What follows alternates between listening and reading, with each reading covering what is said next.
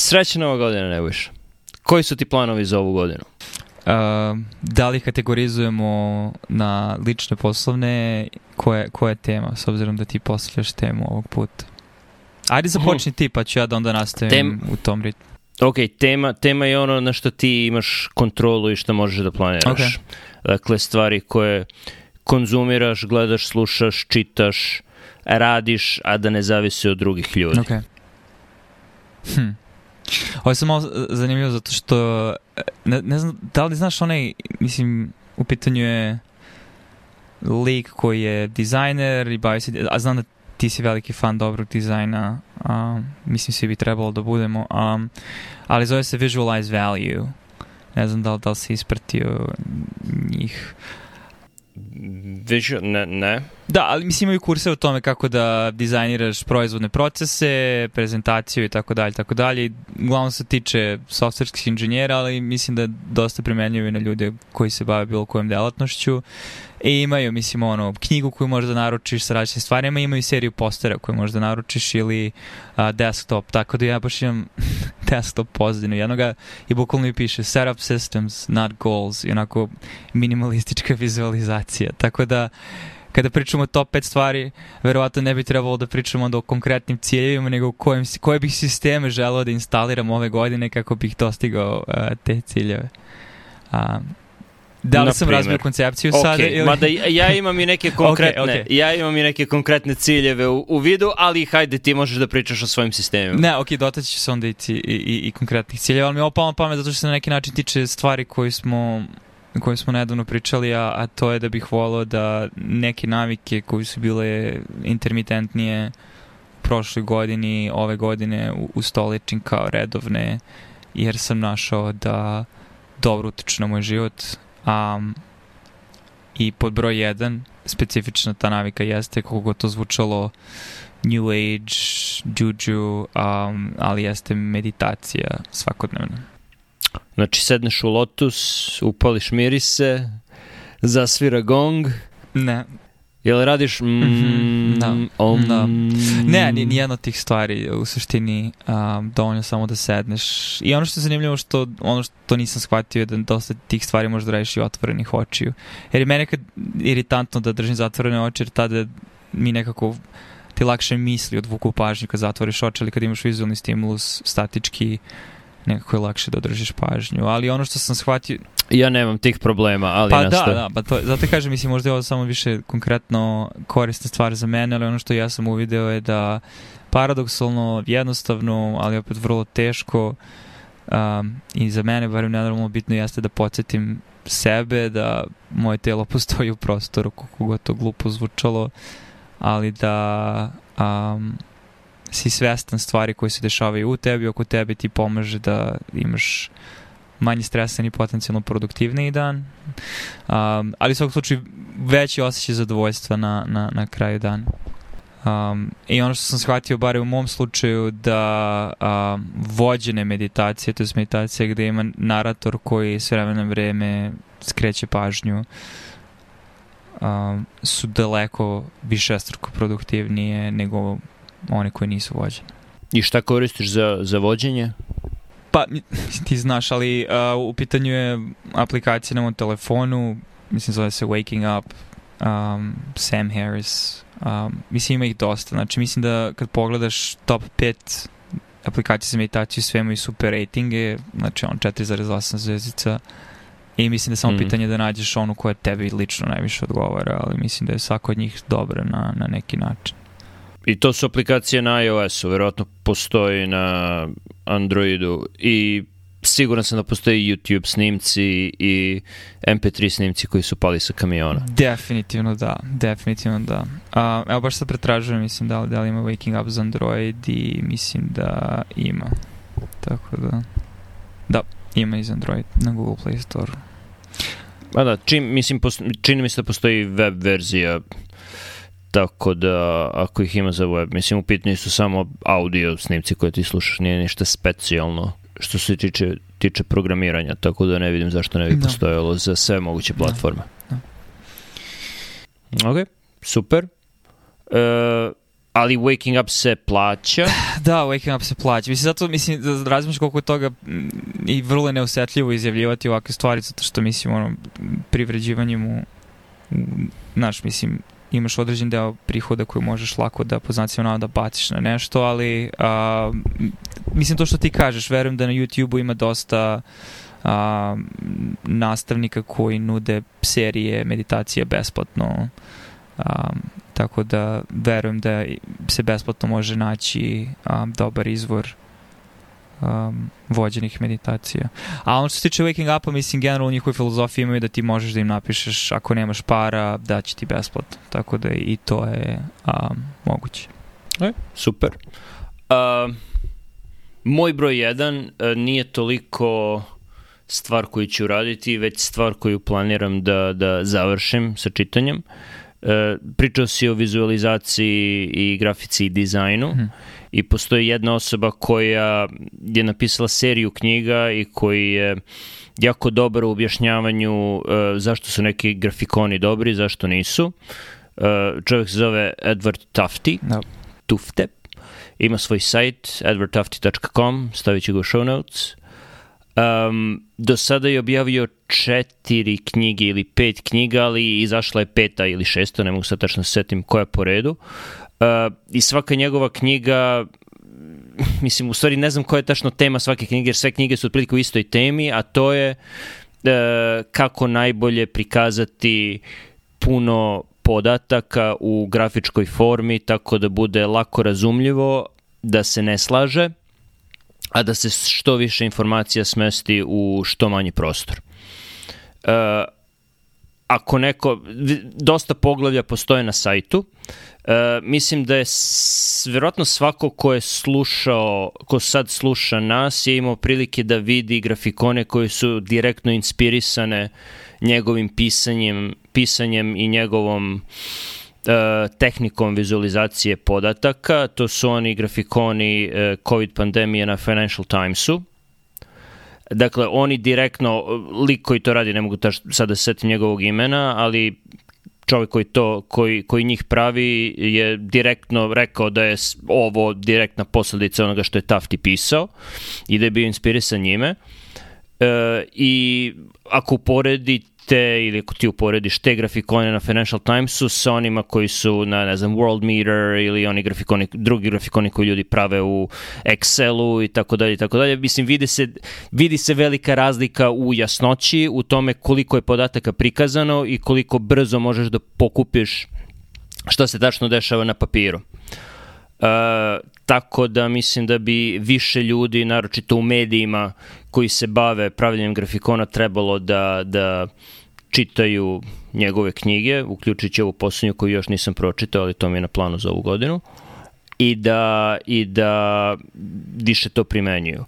To je takođe bitno i za nas, pošto ono što mi radimo, uh, objavljivanje naučne literature i klinička i preklinička uh, i preklinička i klinička istraživanja jako zavise od načina na koji prikazuješ podatke, Sad, ono kako ih mi prikazujemo je kodifikovano naročito za kliničku medicinu i klinička istraživanja, ali postoji puno načina na koji to može da se poboljša i u jednoj od njegovih knjiga, ne mogu sad tačno da setim koje, uh, spominje se i medicina i kako u, ne znam, u elektronskim kartonima, kako je jako neefikasan način prikazivanja pritiska, temperature, laboratorijskih podataka kroz vreme i on je dao nekoliko primjera pre 20 godina kako bi to bolje trebalo da se prikazuje, što stvarno to je zaista tačno, trebalo bi to više da se primenjuje, ali mislim sad možemo da imamo zaseban razgovor o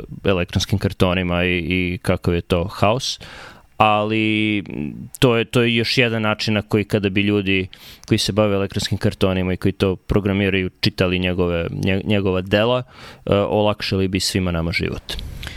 Da, i sećam se kad si, um, mislim, spominjao si ti Taftea već neko vreme, čak i moje predavanje od, u našoj instituciji u jednom trenutku i ja sam sad prelistavao. Mislim, ta jedna, jedna od tih njegovih knjiga je vrlo ono dobro što se kaže knjiga za stočić za kafu, zato što ima jako mnogo lepih grafika i primjera iz, iz prošlosti, kako recimo na starim mapama su ljudi jako lepo objašnjavali kompleksne um, situacije grafički. Um, a na neki način... Da, to su... Aha, kaži to su, to su sve njegove knjige. Dakle, sve, sve njegove knjige su prepune različitih grafikona, dobrih i loših. Mislim da je najpoznatiji grafikon o kome on pisao onaj o Napoleonovom mm. maršu uh, do Rusije i nazad, gde je debljinom strelice prikazao veličinu vojske. Uh, strelica ide s leva na desno, dakle od zapada ka istoku ka Rusiji i onda se vraća nazad i obeležio je uh, različita geografska mesta gde su ili desile velike bitke ili ne znam kada je na, na, na vojska prelazila reku i gde se gomila ljudi podavilo, tačno se vidi kako se ta strelica smanjuje, kako je sve tanja i tanja i koji je i da je red veličine uh, strelice koja ide ka Rusiji, ona koja se, koja se vraća nazad. Da. Um, mislim, i samo pošto sad izgooglao, John Byrne Murdoch je um, da. novinar Financial Times za koji bih rekao da je takođe inspirisao na neki način i tvoje grafikone na, na Twitteru. Barem u o, da. ideji oko ono sedmo, sedmodnevni prosek, um, uglovi krive koji označavaju različite stvari, kodifikovanje toga itd. itd. Mislim, kogod te prati na Twitteru, zna o čemu pričam. Ok. Da. Um, ko je tvoj broj dva? Moj broj 2. Moj broj 2 je podcast o kome sam pisao na blogu, na kome mogu da se vidite grafikoni. Uh, to je najbolji podcast koji sam slušao u poslednje vreme, na engleskom je. E, zove se Omnibus ili Omnibus, gde uh, dva muškarca, jedan je John Roderick koji je muzičar, drugi je Ken Jennings koji je najpoznatiji po tome što je uh, u najviše uzastupnih epizoda američkog kviza Jeopardy pobedio, 70 i nešto i tem je zaradio par desetina miliona dolara. Uh, dakle, njih dvojica diskutuje o nekoj temi koja je obično enciklopedijska, ali pomalo obskurna. Uh, te teme uključuju Elizabetu Niče, Friedrich, sestru uh, poznatijeg Friedricha Ničea, uh, zatim rat, svinski rat, ali ne ona između Srbije i Austro-Ugrske, nego ona između Amerike i Kanade. Postoji drugi jedan svinski rat koji se tako zove. Uh, koje su još teme mm, invazija evropskog čvorka na američkom tlu, što je njihova prva epizoda. Cavendish banana. Ono što je tebi poznato, što znam da si slušao Bider-Manhof fenomen mm. i Bider-Manhof banda u dve različite epizode i to su dve različite stvari.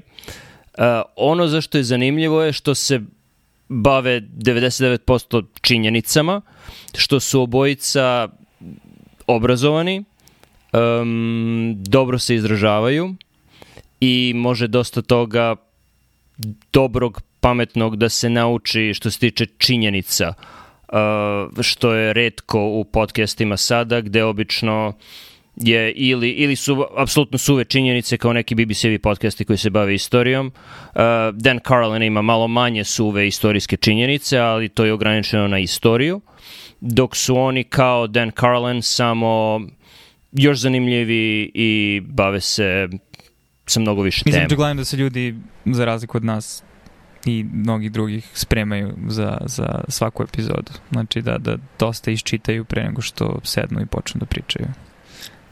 To je, to je ono što je meni zanimljivo je što baš naprotiv mislim da se oni ne spremaju za svaku epizodu. Ali mislim, jedan od, jedan Ken Jennings je Ken pobednik. Jennings je da, da, okay.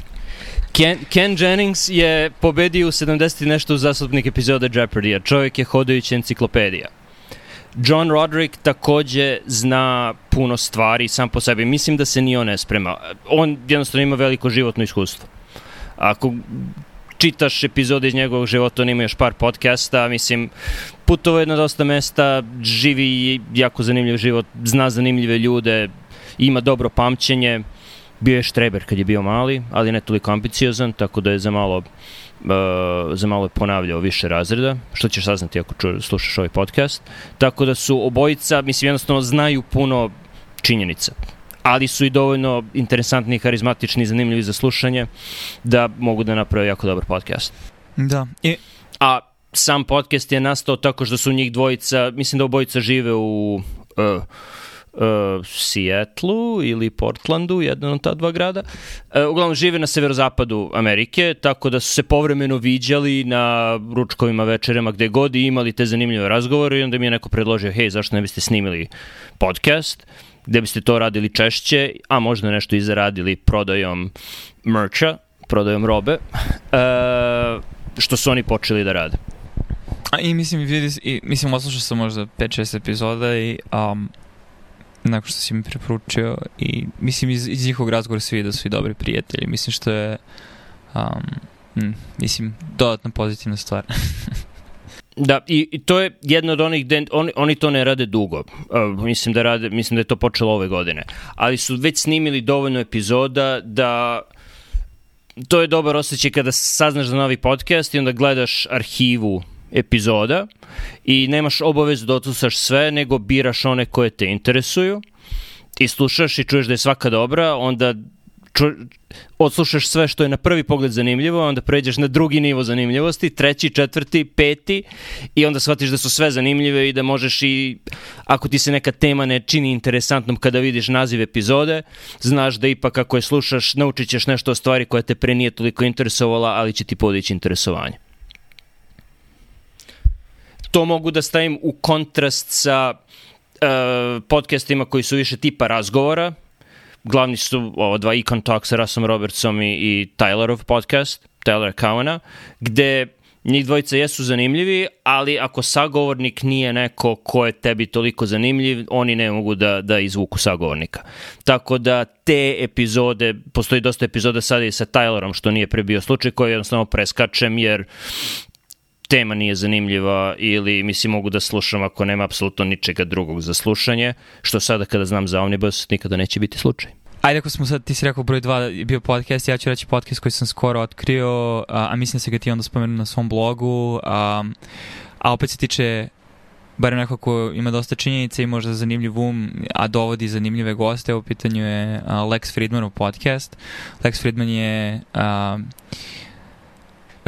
američki naučnik, sin ruskog naučnika koji trenutno se bavi na MIT-u razvojem veštačke inteligencije, a ti, prevoshodno se tiče a, neuralnih mreža koje se bave prepoznavanjem vizualnih objekata za autonomna vozila, um, ali generalno neko ko ima jako širok spektar interesovanja od literature preko psihologije, a, filozofije, a onda i pogotovo inženjerstvo u čemu je stručan i tako da je skup ljudi koji dovodi jako zanimljiv. Eh, jedan od zanimljivih epizoda koje sam skoro oslušao kad je doveo um, Andrew Hubermana koji je neuronaučnik sa Stanforda gde su manje više razmenjivali ideje um, o različitim konceptima mahom koji su se ticali uh, novih stvari otkrivenih u neuronaukama, sam shvatio stvari koliko informacija koliko se novih stvari otkrilo u tom domenu za njih 10 godina na neki način me ponovo zagolicalo da možda čitam i primarnu literaturu na tu temu.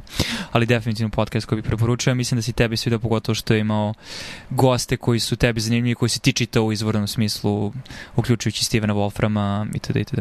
Sada slušam epizodu sa Stevenom Wolframom i prva stvar koju sam video je one epizoda traje 3 sata. ali onda su počeli da pričaju i ono, 15-20 minuta u epizodi mi sam u, tri, slušat ću 3 sata ovoga, ovo je dobro. Tako da je, mislim, Steven Wolfram je, za one koji ne znaju, zanimljiv, zanimljiva osoba koja bolje priča nego što piše, potreban je urednik za ono što piše, nema dovoljno sečenja, ali kada je to razgovor i, i kada u razgovoru priča o, o svojim projektima, to je, to je malo podnošljivije od njegovih knjiga, koje su preopširne. Ok, um, da se prebacim na broj 3, za mene, eto reći ću knjigu jednu za koju smo već dogovorili, u stvari treba da čitamo, to jest ti si je već pročitao, a ja bih, uh, ja sam krenuo da je čitam, a u pitanju je knjiga našeg svetski priznatog i poznatog a, ekonomiste Branka Milanovića, zove se Capitalism Alone. Um, I mislim u principu tiče se sad upotrebio si reč kodifikovanje, tako da mi sad jako zgodno da, da je koristim neki način kodifikacijom a, različitih vrsta a, kapitalizma i preoshodno povlačenjem razlike između američkog i kineskog. I mislim, to je barem ono što sam iz uvodnog poglavlja uspio da skapiram, ali u pod, njegovim gostovanjem na različitim podcastima vidim da dosta ima i zanimljivu savremenu kritiku, ali ne u smislu negativnu kritiku, nego savremenu analizu kontinuirane komodifikacije a, roba i usluga a, u ovom novom evoluirajućem liberalnom kapitalizmu. Da, mislim, mislim da je to poslednje ili pretposlednje poglavlje i ono je stvarno ubolo u srž trenutne situacije gde ako možemo da stavimo cenu svakog trenutka našeg vremena, jer bismo u bilo kom trenutku mogli da vozimo Uber, Lyft ili da budemo Instacart uh, Instacart uh, kupci, zaš, zašto bismo radili bilo što drugo? Ako zaista želimo da, da optimiziramo profit. Što mislim da će sve više biti prisutno u smislu analize tog oportunitarnog troška, sad pravim totalnu digresiju, ali mi je palo to skoro na pamet kako, pogotovo s obzirom na novogodišnji uh, rođendanski poklon koji sam dobio, koliko će lakše sve biti pratiti svaku tvoju svakodnevnu aktivnost, da sam razmišljao razmišlja o tome da će se dolazkom 5G mreže ti i kada to puste, kada ti uh, čipovi ili šta već bude instalirano budu toliko sve prisutni i jeftini da ćeš ti moći bukvalno recimo da brojiš kalorije koje uzmeš svakog dana, da to bude u tetrapaku, u ambalaži nečega što konzumiraš, da će se to sve, mislim u smislu količine informacije koje će se pratiti u tvom svakodnevnom životu svakodnevnoj aktivnosti će eksplodirati i samim tim će ti mnogo jasnije biti na što trošiš svoje vreme, a na šta ga ne trošiš. Uh, jeste bila digresija. Moj broj 3 je knjiga E, statističke posledice debelih repova od Taleba. Knjiga koju kada je ovlaš pregleda možda da razumem 10%, pošto je tehnička pod navodnicima, imamo dosta matematike koju ja baš ne razumem i ne sećam je se iz srednje škole, pošto smo integrale preskočili. A, mislim, nismo ih preskočili, ali, ali je bilo dovoljno kasno toku godine da, da treba da obnovim to, ali um, to je Talebova najnovija knjiga koja je slobodno dostupna za skidanje na internetu, postoji PDF i koji, koji može da se skine, koji je identičan knjizi. E, čak i možda i bolji jer on je stalno menja i stavlja nova poglavlja, e, uređuje, tako da je možda u nekim situacijama i bolje skinuti PDF, ali se bavi matematičkom obradom njegove teze o debelim repovima koja zaslužuje, mislim, Taleb i njegov incerto, incerto, incerto, opus knjiga, zasluže posebnu epizodu, ali nećemo to sad. Ok. Sad, pošto smo idemo u tom nasumičnom e, redu koji se sam uspostavlja a, tema, ajde reći ti svoj broj 4 onda.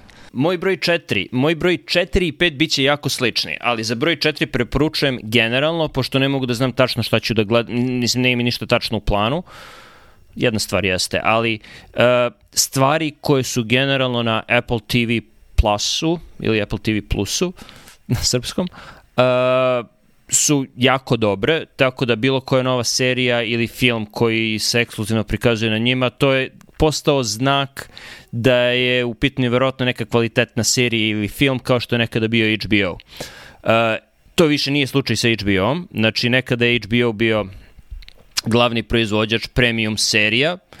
Uh, znaš da je ovo tema kojom se bavi jedan drugi podcast i znam da se zato smeš zbog toga, ali možda ljudi ne slušaju Dithering, mislim sigurno ne slušaju pošto je podcast za koji mora da plaćaš, a, ali mislim, to, ovo nisam ja smislio, to sam, to sam naučio od Bena Thompsona, da, da je osoba koja je za HBO kupovala serije i e, pregovarala nove serije, je sada prešla u Apple, tako da se on sada bavi produkcijom serija za Apple TV Plus streaming servis. E, tako da su te serije sada jako dobre. Ona koja je meni na spisku za ovu godinu definitivno je Foundation ili fondacija, ne znam kako je to prevedeno na srpski, koja je, koja je ekranizacija serije knjiga Isaka Asimova o fondaciji.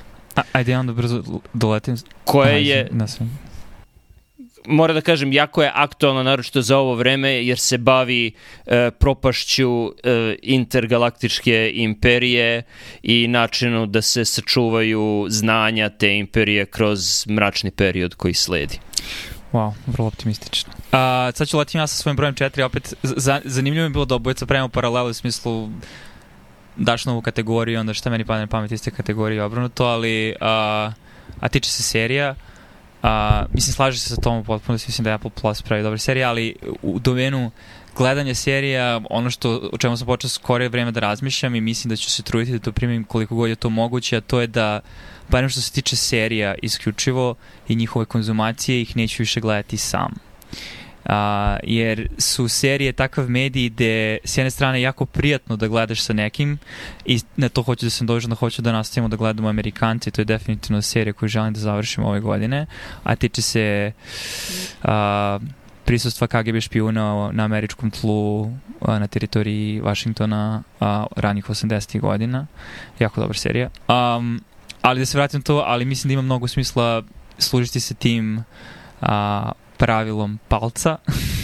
um, o, a, jer sa serijama jako lako upadneš u taj mod koji gledaš sam bingeovanja i u principu postane malo gorko iskustvo jer znaš da bi možda mogao da radiš nešto drugo i pametnije, ali kad gledaš sa nekim to onda i socijalna aktivnost i u isto vreme produbljuje i možda potencijalno ti onda i bolje se ureže ta serija, bolje utisak ostaje jer razmenjuš ideje i utiske koje možda i nisi imao, a definitivno nisi imao i perspektive sa drugim ljudima. Tačno tako, moj otac koji je ovde upravo binđuje uh, sedmu ili osmu epizodu oh, okay. Amerikanaca kako bi mogao da kako bi mogao da bude u istom nivou sa nama kada budemo nastavili pa, da gledamo. Je vrlo uskoro. Okay. Ok, i imaš li petu stvar? Petu generalnu stvar. A, ove godine mislim da će se potruditi da dođem u Srbiju. Mislim da je, da je to ključ, s obzirom da nisam bio a, više od godinu dana sada i da, i da mi mnogi ljudi nedostaju, tako da a, mislim da je to stvar koju, na koju želim da se obavežem. I mislim sada sa primanjem vakcine, a, mislim da to postaje vrlo izvesno. Vakcine su tema za sledeću epizodu. Moja peta stvar su opet serije i TV, znači kao što je Apple TV Plus, dobar servis za, kao znak kvaliteta. Uh, Disney Plus je jako dobra stvar i za naše uslove jeftina i za osobe koji imaju decu apsolutno vredi svaku paru. Uh, jer su dostupne, do, do, dostupne su skoro sve, ako ne apsolutno sve, uh, svi filmovi koje je Disney pravio od, od starog Mickey Mouse-a preko Snežani sedam patuljaka pa sada do najnovijeg Pixarovog filma Soul koji je dobar. Nije najbolji Pixarov film ikada, ali jeste dobar. I tu ubacite i sve Marvel stvari koje gledao sam možda dva filma i ne, ne, ne planiram da gledam ništa više. Rad zvezda, gde još uvek nisam odgledao najnoviji, ali sam čuo jako dobrih stvari o Mandalorianu, koji je serija koju ću definitivno staviti na spisak, jer sa više strana od više ljudi nezavisno sam čuo da je dobar, naročito druga sezona. I onda ima i nacionalna geografija koju je Disney takođe kupio, uh, tako da postoje svi njihovi dokumentarni filmovi. I tako, kad se sve sabere, naročito za, za porodice sa decom je, ako, ako treba da postoji jedna stvar za koju daješ novac, to je Disney+. Plus. Znači, ne bih čak, pošto je Netflix postao uh, previše stvari, premalog, preniskog kvaliteta, bar za moj ukus. Dok Disney ipak ima, ima malo bolji, bolji kvalitet onoga što izdaje tu ne računam one stvari koje su namenjene deci od 2-3 godine koje nikada neću pustiti ni sebi ni svoje deci kao što su Mickey Mouse Club i različiti crtani filmovi koji su pravljeni za decu tog uzrasta koji ne bi trebalo da postoje. Ništa, srećna ti nova godina i nadam se da će se taj spisak zatvoriti uskoro za nas obojicu. Srećna nova godina, Nebojša. Vidimo se uskoro.